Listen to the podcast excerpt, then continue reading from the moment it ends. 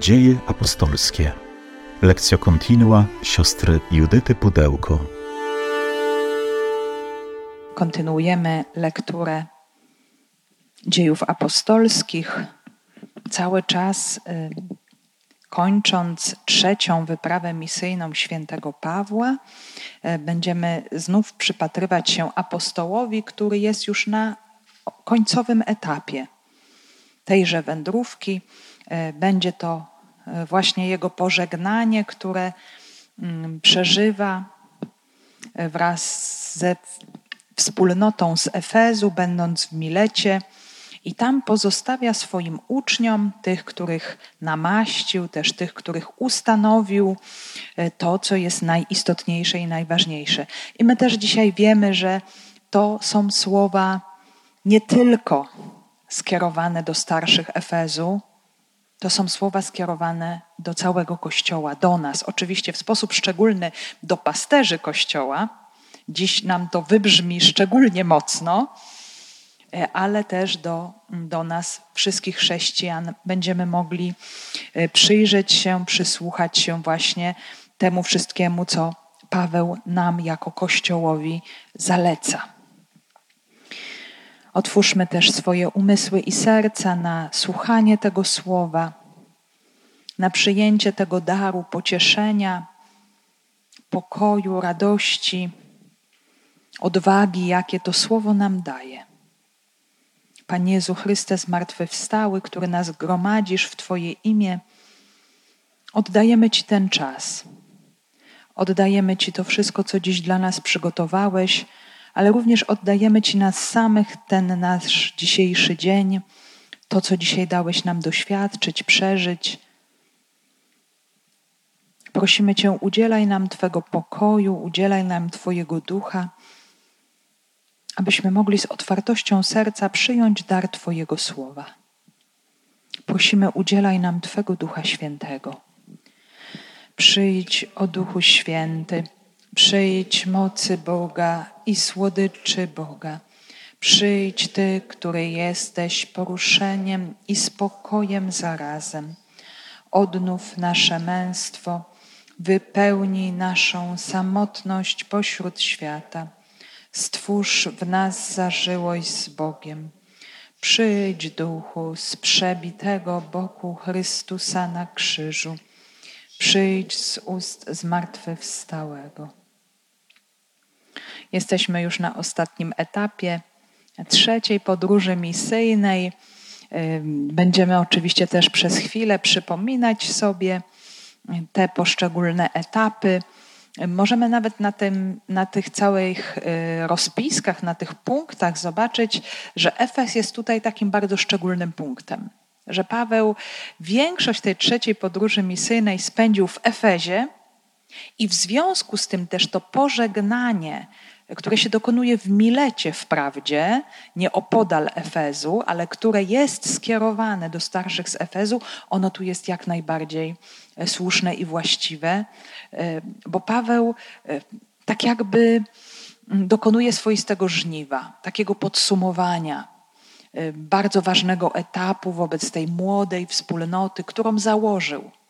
Ten Kościół efeski to jest takie jego dziecko, taki owoc jego ogromnego trudu, miłości, cierpienia, poświęcenia. I teraz chcę też zwrócić uwagę na to, co jest e, najważniejsze. I tak jak popatrzymy nawet na mapę, to ten Milet jest e, już tym punktem faktycznie końcowym tej wędrówki. Potem już będzie droga powrotna, zaznaczona nieco inaczej droga morska, podróż morska. E, tym właściwie zakończy się kolejny fragment zamykający nam pożegnanie Pawła, a dzisiaj jeszcze usłyszymy e, te słowa, bardzo ważne słowa, które Paweł kieruje do swoich słuchaczy. Ale właśnie ten Efes, który jest tym punktem docelowym trzeciej wędrówki misyjnej Pawła. Tam się wcześniej pojawia Apollos, który zostaje ewangelizowany. Od chrztu Janowego dochodzi do wiary w Jezusa Chrystusa dzięki działalności Pryscylli i Akwilli. Paweł, który ewangelizuje Joannitów i przekazuje im dar Ducha Świętego. Paweł, który naucza w synagodze w Efezie, gdzie z jednej strony zyskuje wielu zwolenników i wiemy, że wielu chrześcijan w Efezie to byli judeochrześcijanie również, ale doświadcza ogromnych krytyk, odrzucenia, e, złych słów i w związku z tym przenosi się do szkoły Tyrannosa e, i tam głosi Ewangelię i naucza. E, Paweł również jest uzdrowicielem do takiego stopnia, że uzdrawiają również przedmioty jego osobistego użytku, jego chusty, jego opaski. Efes to było takie miejsce, gdzie bardzo mocno praktykowano obrzędy magiczne, zaklęcia różnego rodzaju. To byli ludzie niesamowicie przesądni, e, zwłaszcza poganie. E, to byli ludzie, którzy bardzo mocno koncentrowali się na obrzędach magicznych i nawet pojawiają się właśnie e, Żydzi, którzy próbują dokonywać egzorcyzmów w imię Jezusa, którego głosi Paweł. I jest to oczywiście uzurpacja, nie jest to możliwe bez wiary też. E, tutaj to słowo dziejów apostolskich daje nam to bardzo mocno poznać, że moc Jezusa Chrystusa, ona rodzi się z wiary w sercu wierzącego człowieka. Nie można sobie jej ani kupić za pieniądze, ani załatwić, ani wykorzystać mocy słowa jako swoistego zaklęcia magicznego. To po prostu nie działa, a nawet obraca się przeciwko temu, kto to czyni. E, więc oczywiście mm, tutaj ten egzorcyzm się nie udaje, efekt jest przeciwny, jak pamiętamy, a to, co się dzieje, też powoduje jakąś ogromną skruchę wielu mieszkańcach Efezu, nawet tych, którzy już uwierzyli, że palą oni swoje magiczne księgi, właśnie te posiadające zaklęcia, formuły magiczne. Więc e, widać, jak E, Pan Bóg posługuje się, mówiliśmy o tym bardzo tak dobitnie, mocno, bardzo różnymi wydarzeniami, czasami wręcz trudnymi, negatywnymi, nie do przyjęcia, bo przecież ta uzurpacja, ta próba wykorzystania takiego bezwzględnego imienia Jezus dla swoich własnych zysków, co chcieli zrobić synowie Skewasa, e, no jest rzeczą złą samą w sobie. Ale ostatecznie przyczyniło się to do e, ujawnienia się mocy Bożej, do tego, że liczni ludzie porzucili jednak te księgi magiczne. No i cała historia związana też z całym buntem złotników, którzy tracą źródła zysku, ludzie się odwracają od świątyń pogańskich, od wielkiego cudu świata, jakim była świątynia Artemidy Efeskiej. E, więc wielkie zagrożenie dla Pawła, dla chrześcijan, e, całe wydarzenie bardzo burzliwe w teatrze e, i dopiero po pewnym czasie uspokojenie tych wszystkich burzliwych wystąpień, krzyków przez sekretarza urzędnika, który znów staje się tutaj takim y, opatrznościowym człowiekiem, niejako w ręku Boga, aby ocalić Pawła i jego towarzyszy. Więc wyciszenie, zamieszek i wtedy Paweł wyrusza w drogę, udaje się do Macedonii, tam umacnia uczniów, potem udaje się do Grecji, do Koryntu. Tam powstaje list do Rzymian, najważniejsze dogmatyczne dzieło Pawła. Y, chce y, już stamtąd drogą morską udać się do Jerozolimy, ale dowiaduje się o spisku Żydów y, i mm, wraca drogą lądową przez Macedonię do Troady. Tam również żegna się z miejscową wspólnotą, przeżywa bardzo uroczystą, długą, całonocną liturgię niedzielną, podczas której wskrzesza młodzieńca o imieniu Eutych, który wypada przez okno podczas tejże celebracji. Więc to też jest taki mocny znak obecności Jezusa zmartwychwstałego. No i w końcu udaje się już w dalszą podróż, możemy powiedzieć obrzeżem Azji Mniejszej, częściowo wędruje, częściowo przepływa, mm, aby ostatecznie dotrzeć do Miletu. I tam mm, gromadzi starszych kościołów Efezu i wygłasza swoją mowę pożegnalną. E, tak jak to ostatnio słyszeliśmy, Paweł bardzo mocno podkreśla to dzieło, które Pan Bóg przez niego dokonał w tymże miejscu. E, oni sami mogą sobie przypomnieć to, co się działo, e, czyli właśnie tę posługę, która była pełniona jako służba z ogromną pokorą pośród przeciwności. To jest właśnie to, na co apostoł kładzie największy nacisk, i to jest najważniejsze Y, w postawie głosiciela, ewangelizatora, pasterza, ta służba z pokorą pośród przeciwności. Tak jak sobie mówiliśmy, nie cuda, nie wielkie znaki, nie nadzwyczajności, ale bardzo, bardzo pokorna służba, odważne głoszenie tego, co pożyteczne, nie uchylanie się tchórzliwe przed niczym, aby wzywać do nawrócenia i do wiary w Chrystusa. Właśnie to jest ta prawdziwa metanoja, to prawdziwe nawrócenie aby przyjąć dar i łaskę Chrystusa. I w tej swojej mowie, która była też taką swoistą retrospekcją, czyli wspominaniem tego, co Paweł już dokonał, o czym też jego słuchacze wiedzieli, czego doświadczyli, Paweł również e, otwiera przed nimi nową perspektywę przyszłości. Z dziejów apostolskich. A teraz wiązany przez ducha udaje się do Jeruzalem nie wiem, co mnie tam spotka. Oprócz tego, że czekają mnie więzy i ucisk, o czym zaświadcza mi Duch Święty w każdym mieście. Lecz ja zgoła nie cenię sobie życia, bylebym tylko dokończył biegu i posługiwania, które otrzymałem od Pana Jezusa, aby dać świadectwo o Ewangelii łaski Bożej. Wiemy teraz, że wy wszyscy, wśród których po drodze głosiłem królestwo, już mnie nie ujrzycie. Dlatego oświadczam wam dzisiaj, nie jestem winien niczyjej krwi, bo nie uchylałem się tchórzliwie od głoszenia wam całej woli Bożej. Uważajcie na samych siebie i na całe stado, w którym Duch Święty ustanowił was biskupami, abyście pasterzowali Kościołem Boga, który On nabył własną krwią. To jest oczywiście y, część tej mowy pożegnalnej. Ona też będzie dalej kontynuowana w następnym spotkaniu, w następnym fragmencie, ale spróbujmy przyjrzeć się teraz temu, co y, w jaki sposób teraz Paweł kształtuje swoją mowę.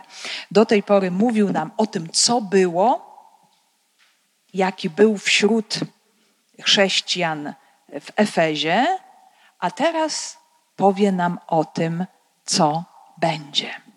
A teraz wiązany przez ducha udaje się do Jeruzalem. Nie wiem, co mnie tam spotka.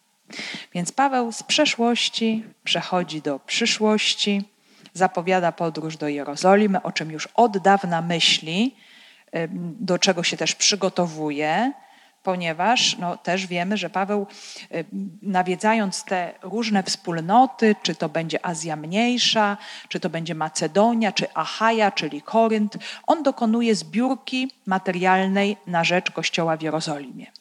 Więc oprócz tego, że ma się tam udać, i to jest kwestia duchowa, jest przynaglany przez ducha, idzie tam również z bardzo konkretną pomocą materialną. Y, ale E, tutaj Paweł mówi coś tak niesamowicie mocnego, że jest niejako przynaglany, dosłownie wiązany przez Ducha Świętego. Jest jakby więźniem Ducha Świętego, czyli ten Duch Święty go przynagla. To jest jakieś wewnętrzne przynaglenie, że Paweł wie, że to ma zrobić, że ma iść do tej Jerozolimy. Chociaż nie wie do końca nawet, pomimo tych wszystkich praktycznych kwestii, jest jeszcze tam Y, no, jakaś tajemnicza sprawa, którą Duch Święty ma wobec Niego. To oczywiście też się odnosi bardzo pięknie w całym dziele Łukaszowym, bo cały czas pamiętamy, że te y, dwie części jednego dzieła, dwa tomy czytamy w sposób integralny, całościowy. Y, I tutaj możemy oczywiście odnaleźć echo podróży Jezusa do Jerozolimy. I ta podróż Jezusa do Jerozolimy jest niesamowicie mocno wyeksponowana w Ewangelii Łukaszowej. Mamy ten szczególny moment, Łukasz 9:51, kiedy Jezus w sposób nieodwracalny kieruje swoją twarz w kierunku Jerozolimy i już się nie odwraca za siebie. Już nie wraca do tego, co było, nie myśli o tym, co było, ale jest całkowicie ukierunkowany na Jeruzalem, bo wie, co się też tam dokona. I ta podróż oczywiście też jest bardzo długa. Yy, mocno jest to wyeksponowane przez Łukasza. Jezus wędruje do Jerozolimy aż 10 rozdziałów. To jest bardzo długi czas. E, jeżeli cała, możemy powiedzieć, Ewangelia dzieciństwa, to co przed, przygotowanie do misji, chrzest, pokusy, e, początek misji w Galilei, cała działalność Jezusa nad jeziorem i inne rzeczy, i, i, i kazanie na równinie, to jest wszystko dziewięć rozdziałów, to sobie pomyślmy, że podróż do Jerozolimy to jest dziesięć rozdziałów.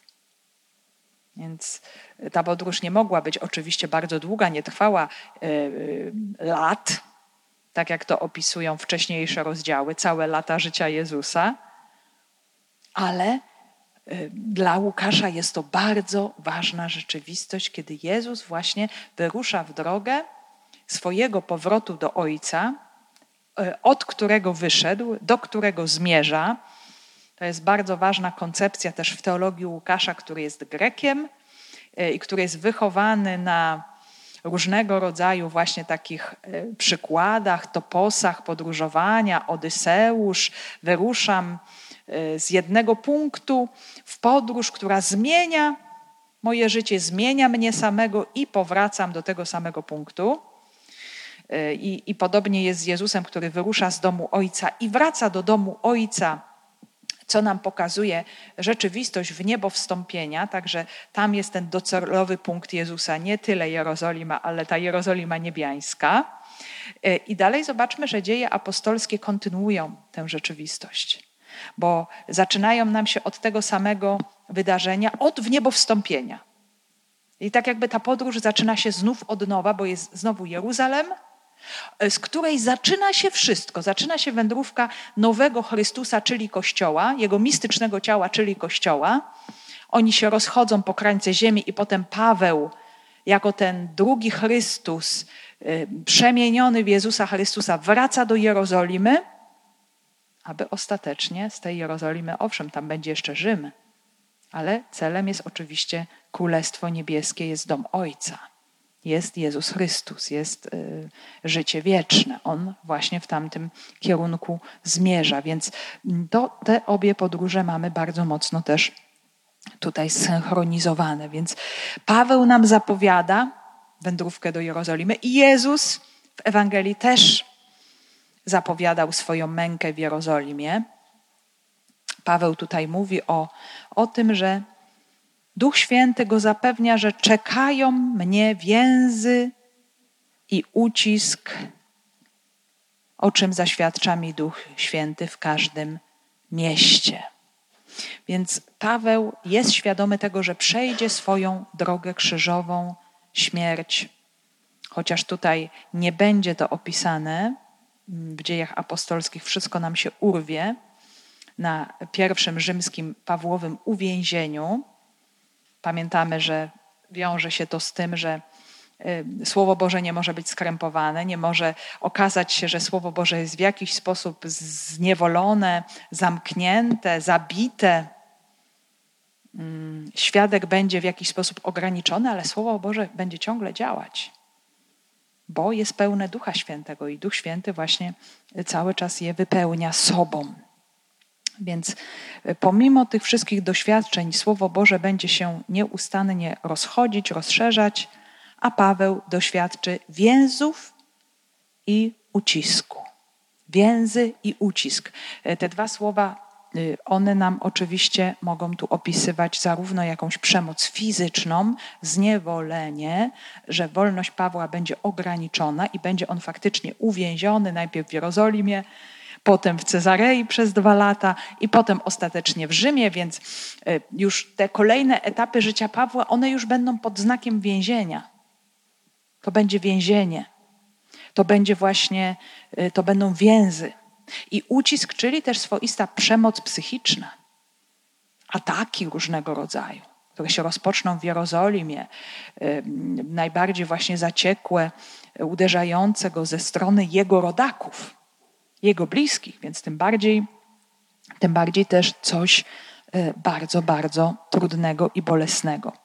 Lecz ja zgoła nie cenię sobie życia, bylebym tylko dokończył biegu i posługiwania, które otrzymałem od Pana Jezusa, by dać świadectwo o Ewangelii łaski Bożej.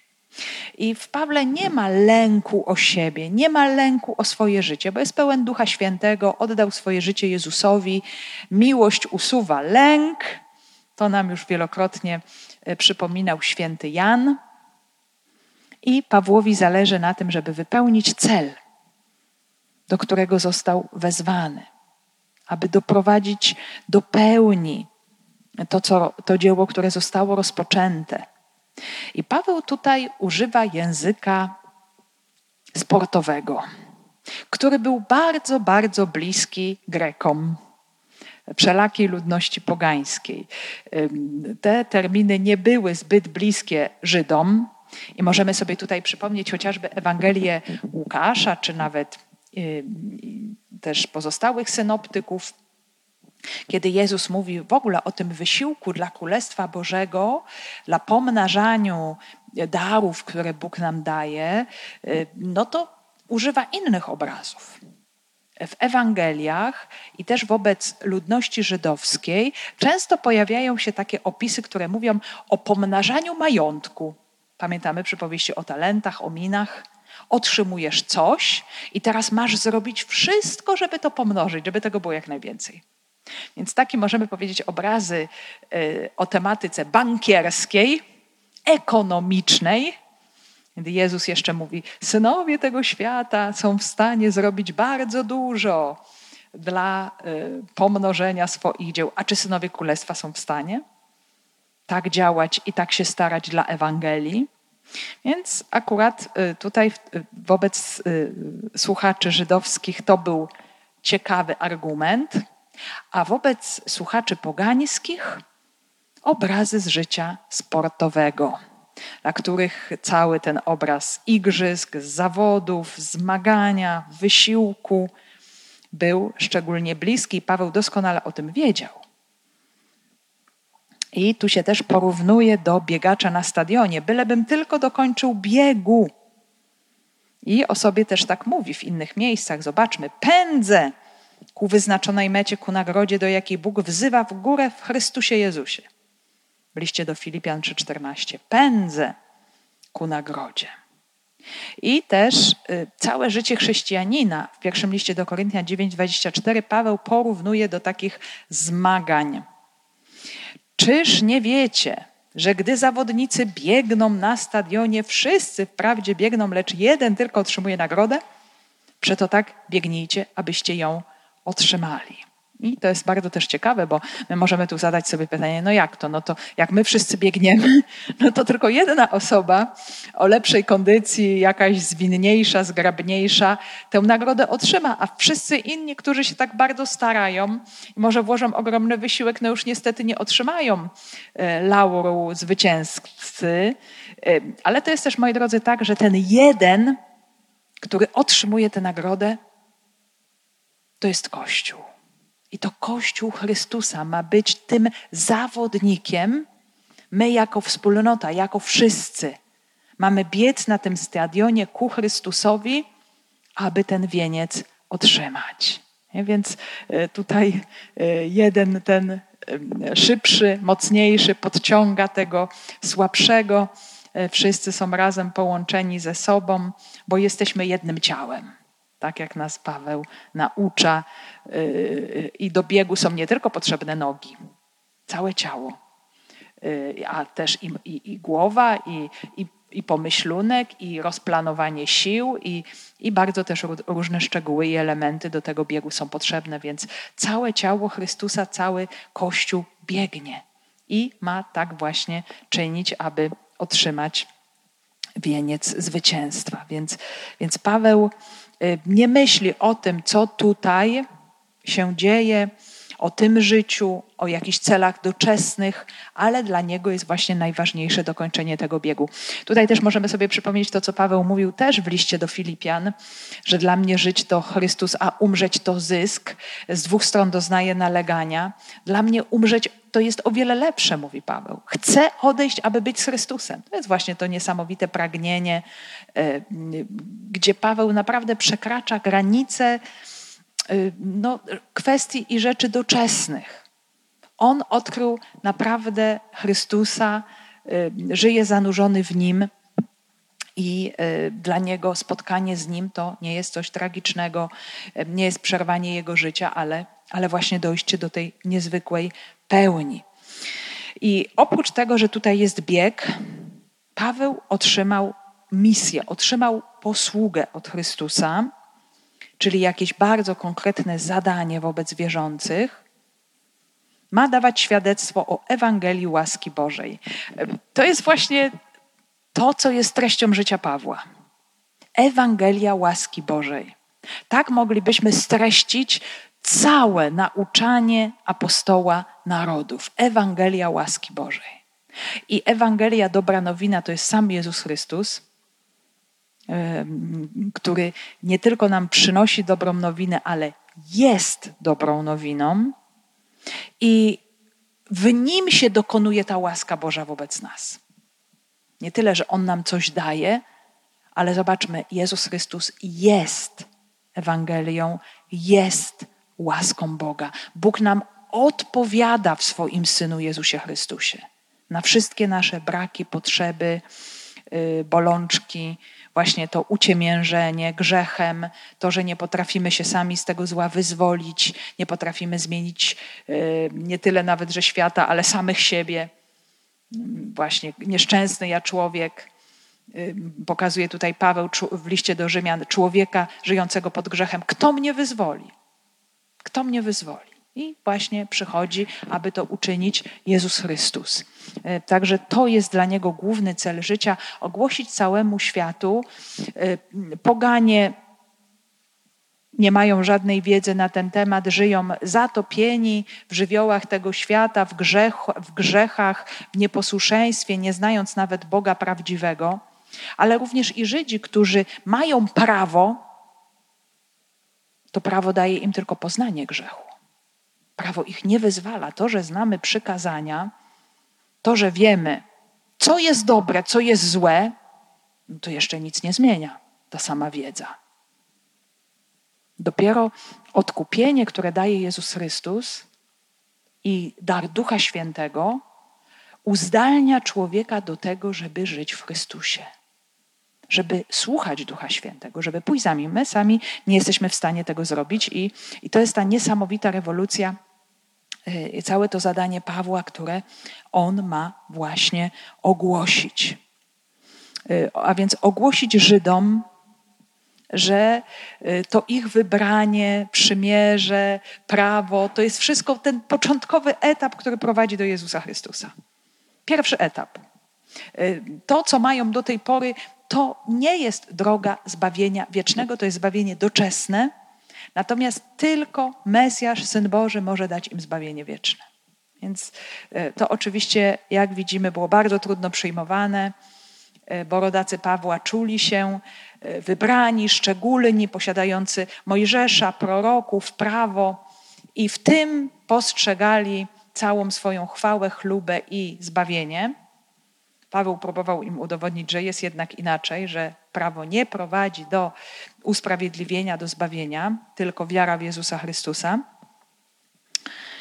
No i oczywiście też to dotyczy pogan, no, wobec których to głoszenie było no z jednej strony trudniejsze, ponieważ hmm, oni, oni wszystko musieli poznawać od ABC, od samego początku, tak możemy powiedzieć od Adama i Ewy, od stworzenia świata ale z drugiej strony nie mieli, można powiedzieć, żadnych innych y, podpórek, które mogłyby ich usprawiedliwić, czy no, w jakikolwiek sposób im pomóc. Także y, z jednej strony było to trudniejsze, ale z drugiej strony łatwiejsze i Paweł w wielu przypadkach o wiele lepiej y, dogadywał się czy głosił wobec pogan, którzy otwierali się na Ewangelię, więc y, na dar nowego życia przekraczający śmierć, grzech, y, czyli absolutna nowość, y, do której Paweł zapraszał swoich słuchaczy, których ewangelizował. Teraz wiem, że wy wszyscy, wśród których po drodze głosiłem królestwo, już mnie nie ujrzycie. I to jest oczywiście zapowiedź rozstania, ale tutaj wybrzmiewa bardzo mocno również zapowiedź śmierci, że widzimy się po raz ostatni, że wam głosiłem, głosiłem wam królestwo. Tutaj też bardzo ważny element to królestwo Boże to nie jest y, ludzkie panowanie dla Boga, czy nawet w imieniu Boga nad światem. Próbuje się też takie Boże Królestwa, czy próbowało się w historii świata takie królestwa, nawet w imieniu Boga no, w jakiś sposób konstruować. Natomiast w Jezusowym Królestwie Bożym w ogóle nie o to chodzi, bo to jest coś odwrotnego, to jest królowanie Boga w człowieku, od wewnątrz. To jest ta wewnętrzna rewolucja, którą dokonuje chrześcijaństwo. Mm, chrześcijanie nie zmieniali struktur imperium, byliby od razu całkowicie zlikwidowani, gdyby coś takiego próbowali robić. Natomiast poprzez nawrócenie ludzkiego serca zmieniało się ludzkie serce, a potem stopniowo powoli zmieniały się obyczaje. W ten sposób Pan Bóg zaczyna królować przez człowieka, który przyjmuje Ewangelię. Y, więc takie promieniowanie tej Bożej łaski od wewnątrz. Y, tak jak już powiedziałam, nie ma w dziejach mowy o męczeńskiej śmierci Pawła. Wszystko nam się tutaj skończy na Rzymie, gdzie Paweł będzie w domowym areszcie, ale będzie w jakimś sensie swobodny, będzie pilnowany przez strażników, ale będzie głosił Słowo Boże bez przeszkód. O, właśnie Słowa Bożego nie można uwięzić. Paweł jakby zniknie nam z horyzontu, mm, odejdzie, ale nie zginie.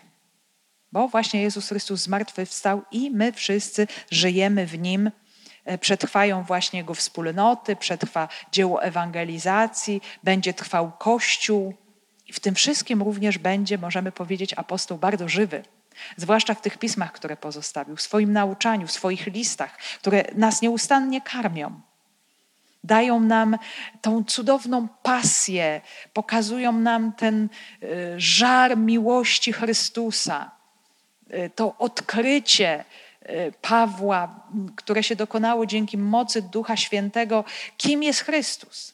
To, to jest coś niesamowitego, niewiarygodnego, bo moi drodzy, nie było żadnych pism Nowego Testamentu, nie było żadnej teologii, nie było żadnych podręczników, żadnych książek, katechizmów. I Paweł po prostu w, w tym swoim ogromnym, żarliwym zasłuchaniu Chrystusa zmartwychwstałego otwiera się na tę tajemnicę na wielką tajemnicę Chrystusa i e, wszystkie jego listy zawierają cudowne prawdy dogmatyczne, które dla nas dziś ciągle są na nowo zgłębiane, y, są trudne w jakiś sposób, są ciągle nowością, właśnie bo tak jest Duch Święty. Jest niesamowicie prosty, ale z drugiej strony objawia rzeczy wielkie. No i tak się właśnie y, w życiu Pawła stało, więc y, nawet jeżeli już go nie ma wśród nas w taki sposób cielesny, zobaczmy, cały czas Bóg przez niego działa Apostoł nie umiera, nie ginie.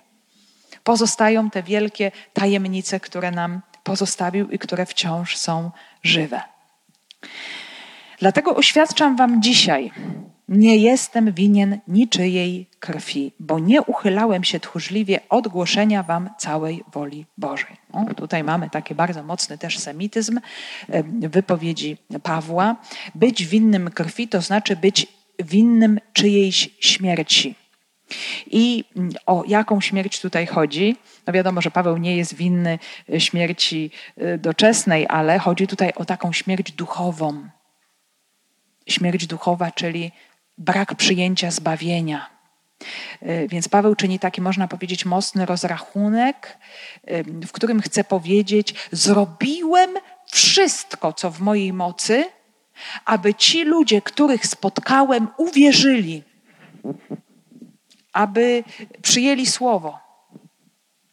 Mm, także y, używałem wszelkich sposobów, Dla Żydów stałem się Żydem.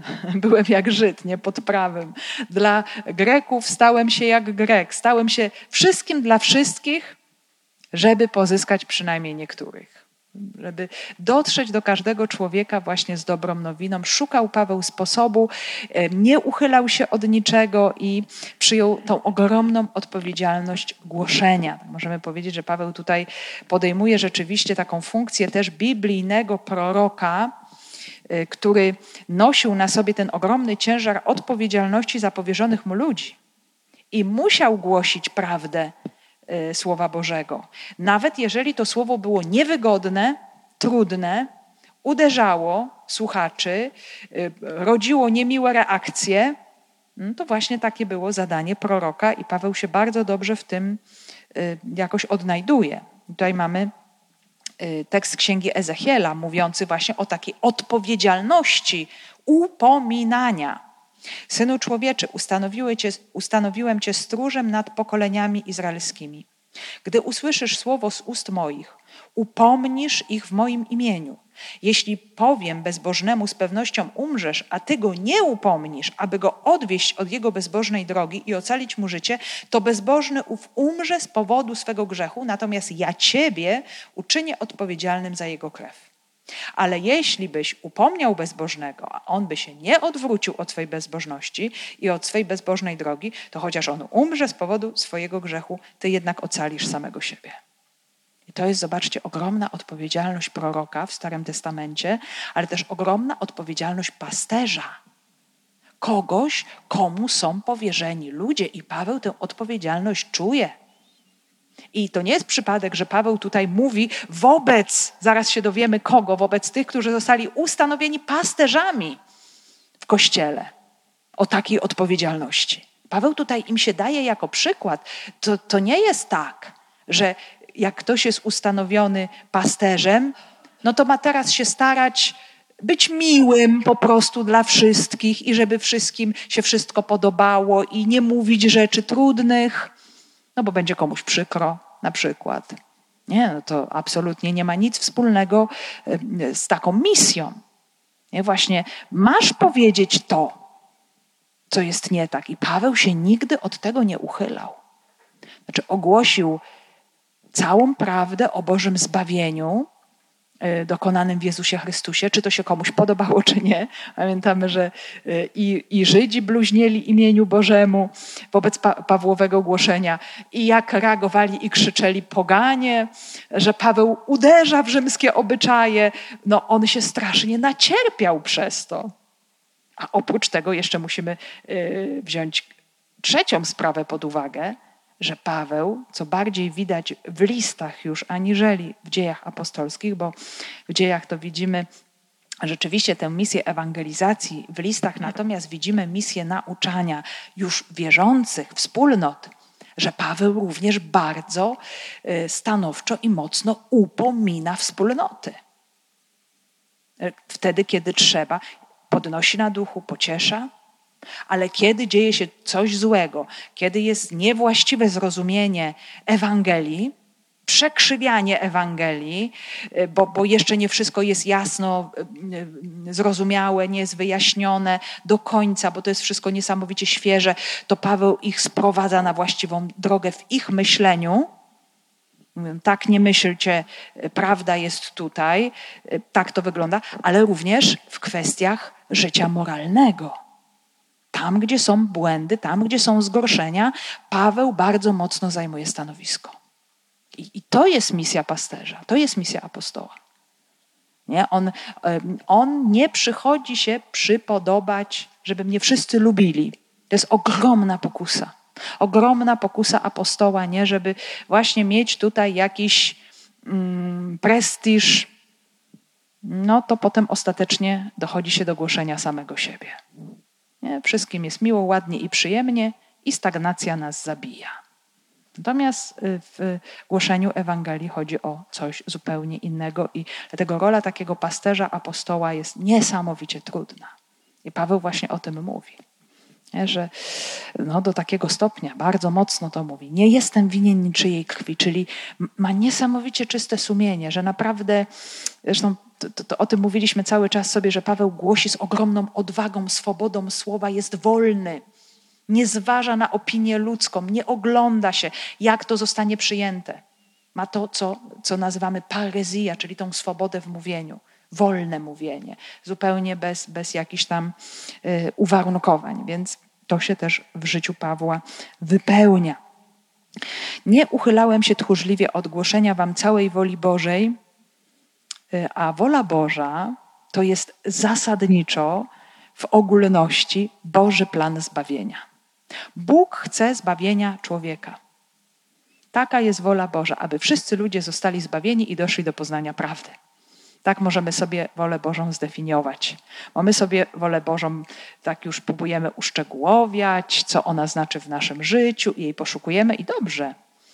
Nie? Że chcemy ją uszczegółowić. W jaki, ale zawsze to powinno się wiązać z takim zapytaniem: w jaki sposób ma się dokonać w moim życiu zbawienie? Bo jeżeli coś nam się wydaje wolą Bożą, a to mnie oddala od zbawienia, no to na pewno to nie jest wola Boża. Bo wolą Bożą jest, żeby wszyscy ludzie zostali zbawieni i doszli do poznania prawdy. Amen.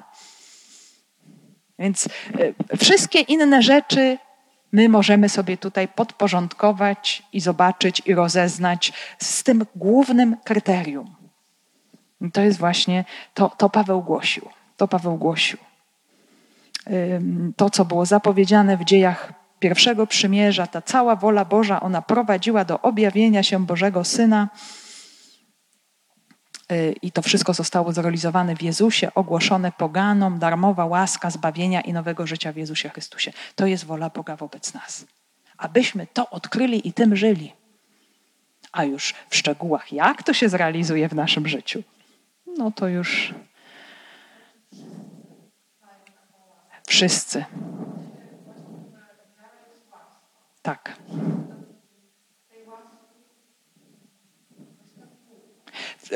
Wszyscy dostępują łaski, ale nie wszyscy się na nią otwierają w tym samym czasie. E, ludzie mają zupełnie inną drogę.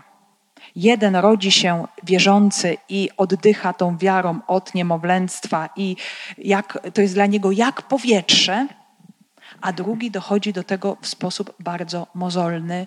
Nie wiemy dlaczego. To jest, jeżeli mówimy o łasce, to jest to tajemnica również.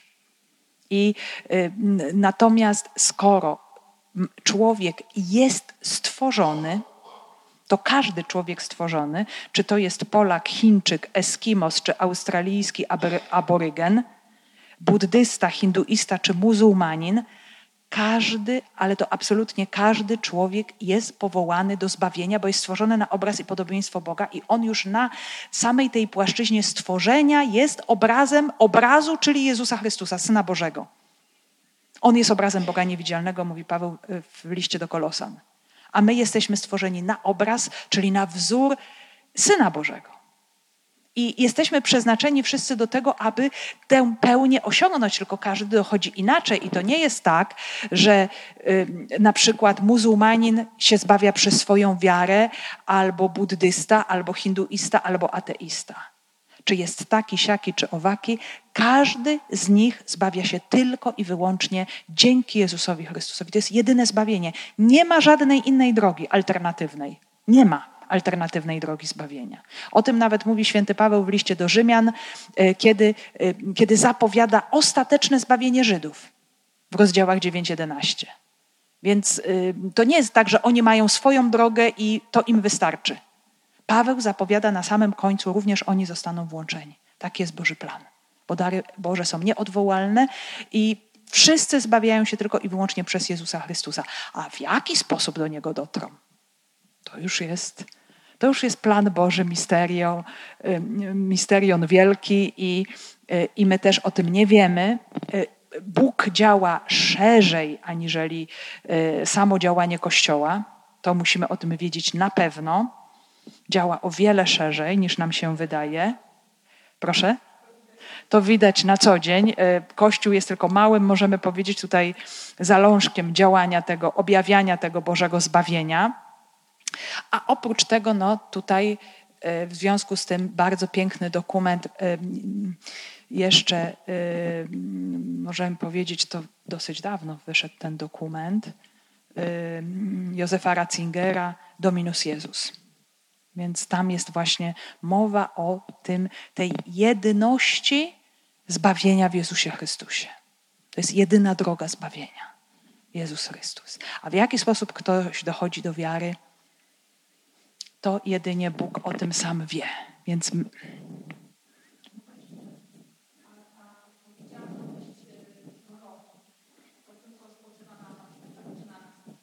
No, jeżeli y, czujemy się posłani do kogoś i Bóg nam daje ewidentny znak, ktoś jest urzędowo, można powiedzieć, posłany do kogoś z urzędu, ale jeżeli, no właśnie, y, y, my mamy różne więzi odpowiedzialności.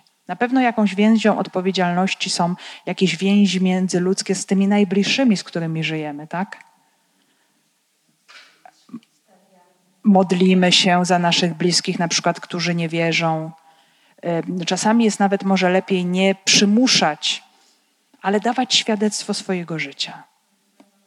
Szczęśliwego człowieka wierzącego i modlić się. Nie? I modlić się. Więc i, i wtedy możemy powiedzieć: Nie jestem winien niczyjej krwi, bo nie uchylałem się tchórzliwie od głoszenia Ci całej woli Bożej. Że, czyli, że Bóg chce, żebyś został zbawiony i doszedł do poznania prawdy. Nie? Więc to możemy sobie tak przełożyć na nasze życie. Nie? A czasami no, pewne dyskusje i spory, one jeszcze pogarszają sytuację, a nie polepszają. Widzimy, że Paweł też je w pewnym momencie ucina, odchodzi, usuwa się. Ale to też pokazuje nam, pokazuje nam sytuacja chociażby opisana w Nowym Testamencie, że kiedy Jezus głosił, wielu ludzi go odrzucało. Kiedy Kościół głosił, to ci, co odrzucali Jezusa, już go potem zaczęli przyjmować powoli. Więc to jest wszystko właśnie rzeczą absolutnie, absolutnie też tajemniczą. Więc Bóg chce zbawić każdego człowieka. To jest absolutnie Jego wola i stwarzając każdego, powołuje go do zbawienia i do chwały. To nie jest tak, że Bóg sobie tylko wszystkich stwarza i teraz mówi ciebie, ciebie i ciebie yy, powołuje do zbawienia, a reszta niech tam sobie ginie, co oni mnie tam obchodzą. Nie? No to w ogóle sprzeciwia się prawdzie o Bogu, który jest miłością. I każdego stwarza bezgranicznej, nieskończonej miłości, jakby był jedyny na świecie. I pragnie go doprowadzić do pełni życia. Więc co do tego możemy mieć całkowitą też mm, pewność. No i teraz pojawi się bardzo ważne słowo, które nam rozpocznie kolejną część tej mowy, już prawie że ostatnią, skierowaną do pasterzy. Uważajcie na samych siebie i całe stado, w którym Duch Święty ustanowił was biskupami, abyście pasterzowali Kościołem Boga, który On nabył własną krwią. Jest to niesamowicie gęste zdanie, które zawiera w sobie ogromną treść teologiczną i dogmatyczną. To jest po prostu potęga, to jedno zdanie. Jest ono zwrócone do, oczywiście do słuchaczy, jest to swoiste napomnienie dotyczące ich, ich wspólnot, e, bo Paweł chce przestrzegać przed zagrożeniami. Nie jest człowiekiem naiwnym. Wie, że e, są zagrożenia różnego rodzaju. O tych zagrożeniach jeszcze będziemy słyszeć następnym razem bardziej dokładnie.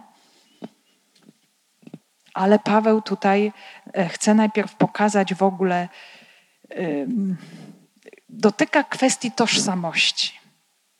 Zanim jeszcze powie o szczegółach, e, dotyka absolutnie najważniejszej kwestii tożsamości Kościoła, który wynika z tajemnicy Trójcy Świętej i jednocześnie tożsamości tych, którzy ten Kościół prowadzą. I zobaczmy, co my tutaj mamy, bo jest tutaj bardzo gęsto w tym zdaniu. Najpierw nam się pojawiają biskupi. Pojawi się, pojawia się to słowo episkopos. Mamy od tego piękne słowo episkopat, tak? Trzeci stopień święceń, diakonat, prezbiterat, potem mamy episkopat. Episkopat właśnie tutaj, czyli całe to zgromadzenie biskupów polski, episkopat polski. Hmm. I to piękne słowo greckie, które używamy również i w naszym kościelnym języku. To jest taka zbitka dwóch słów: epi, na, nad, ponad czegoś, skeptomaj, czuwanie, obserwowanie rzeczywistości z góry. Czyli ktoś, kto czuwa. Właśnie bardzo podobnie jak y, opisuje to prorok Ezechiel. Patrzy, czy jest jakieś zagrożenie. Taki strażnik na wieży, który jest wyżej niż wszyscy w mieście. On ma taką, możemy powiedzieć, budkę strażnika, wieżę strażnika.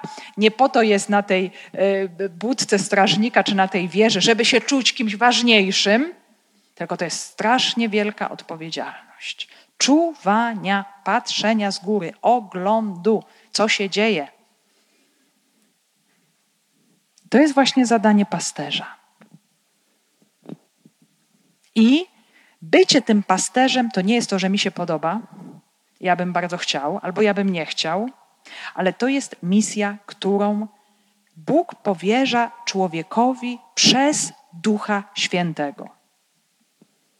Duch Święty to jest miłość Boga, Ojca i Syna, rozlewająca się i działająca pośród nas w Kościele. Bóg dzisiaj w Kościele wszystko robi w Duchu Świętym. To jest to, możemy powiedzieć, to pochylenie się Ojca i Syna e, w tej ich wzajemnej miłości, czyli Duchu Świętym wobec nas. I takie pochylenie się Ojca i Syna dokonuje się nad takim właśnie człowiekiem, który zostaje ustanowiony, postawiony przez Ducha Świętego. Więc to jest wszystko interwencja Pana Boga. To nie jest przypadek. Człowiek sam sobie tego, e, tej misji nie nadaje. I Paweł tutaj bardzo mocno uświadamia to swoim słuchaczom. Słuchajcie, to jest rzecz poważna.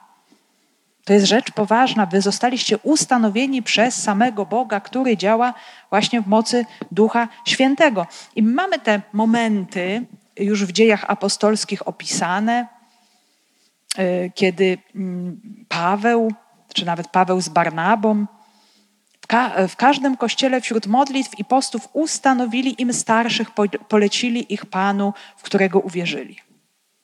I właśnie jest ten ruch, ten moment, ten, ten bardzo charakterystyczny gest wyciągniętej ręki, który nam się od wieków powtarza w kościele, jest słowo i jest gest, to jest struktura każdego sakramentu, czyli tego objawiania się Y, mocy Boga, widzialnego znaku, uwaga, skutecznej łaski Boga, to jest y, katolicka definicja sakramentu. Mm, to jest bardzo ważne, skuteczna łaska Boga, czyli y, w Kościele katolickim, to jest bardzo, myślę, też ważne, jest tak, że ten sakrament działa bez względu na to, czy ja wierzę, czy nie. On działa mocą samego Boga. Oczywiście działa, jeżeli ja wierzę, działa we mnie skuteczniej. Ma większe pole do działania i więcej może we mnie uczynić. Ale to, że ktoś nie wierzy w obecność Jezusa w Eucharystii, to nie znaczy, że go tam nie ma. Albo że ktoś nie wierzy w chrzest, to nie znaczy, że on się nie dokonuje. On jest skuteczny. I tak samo tutaj, kiedy dokonuje się właśnie ten ruch Kościoła, wyznaczony przez Ducha Świętego, ten gest, to wyciągnięcie ręki w odpowiedni sposób, w modlitwie, y, wśród postów, z odpowiednim słowem, to wtedy w sposób szczególny działa Bóg. Nie? Taka jest, zobaczcie, struktura działania Kościoła po dzień dzisiejszy, od samego początku.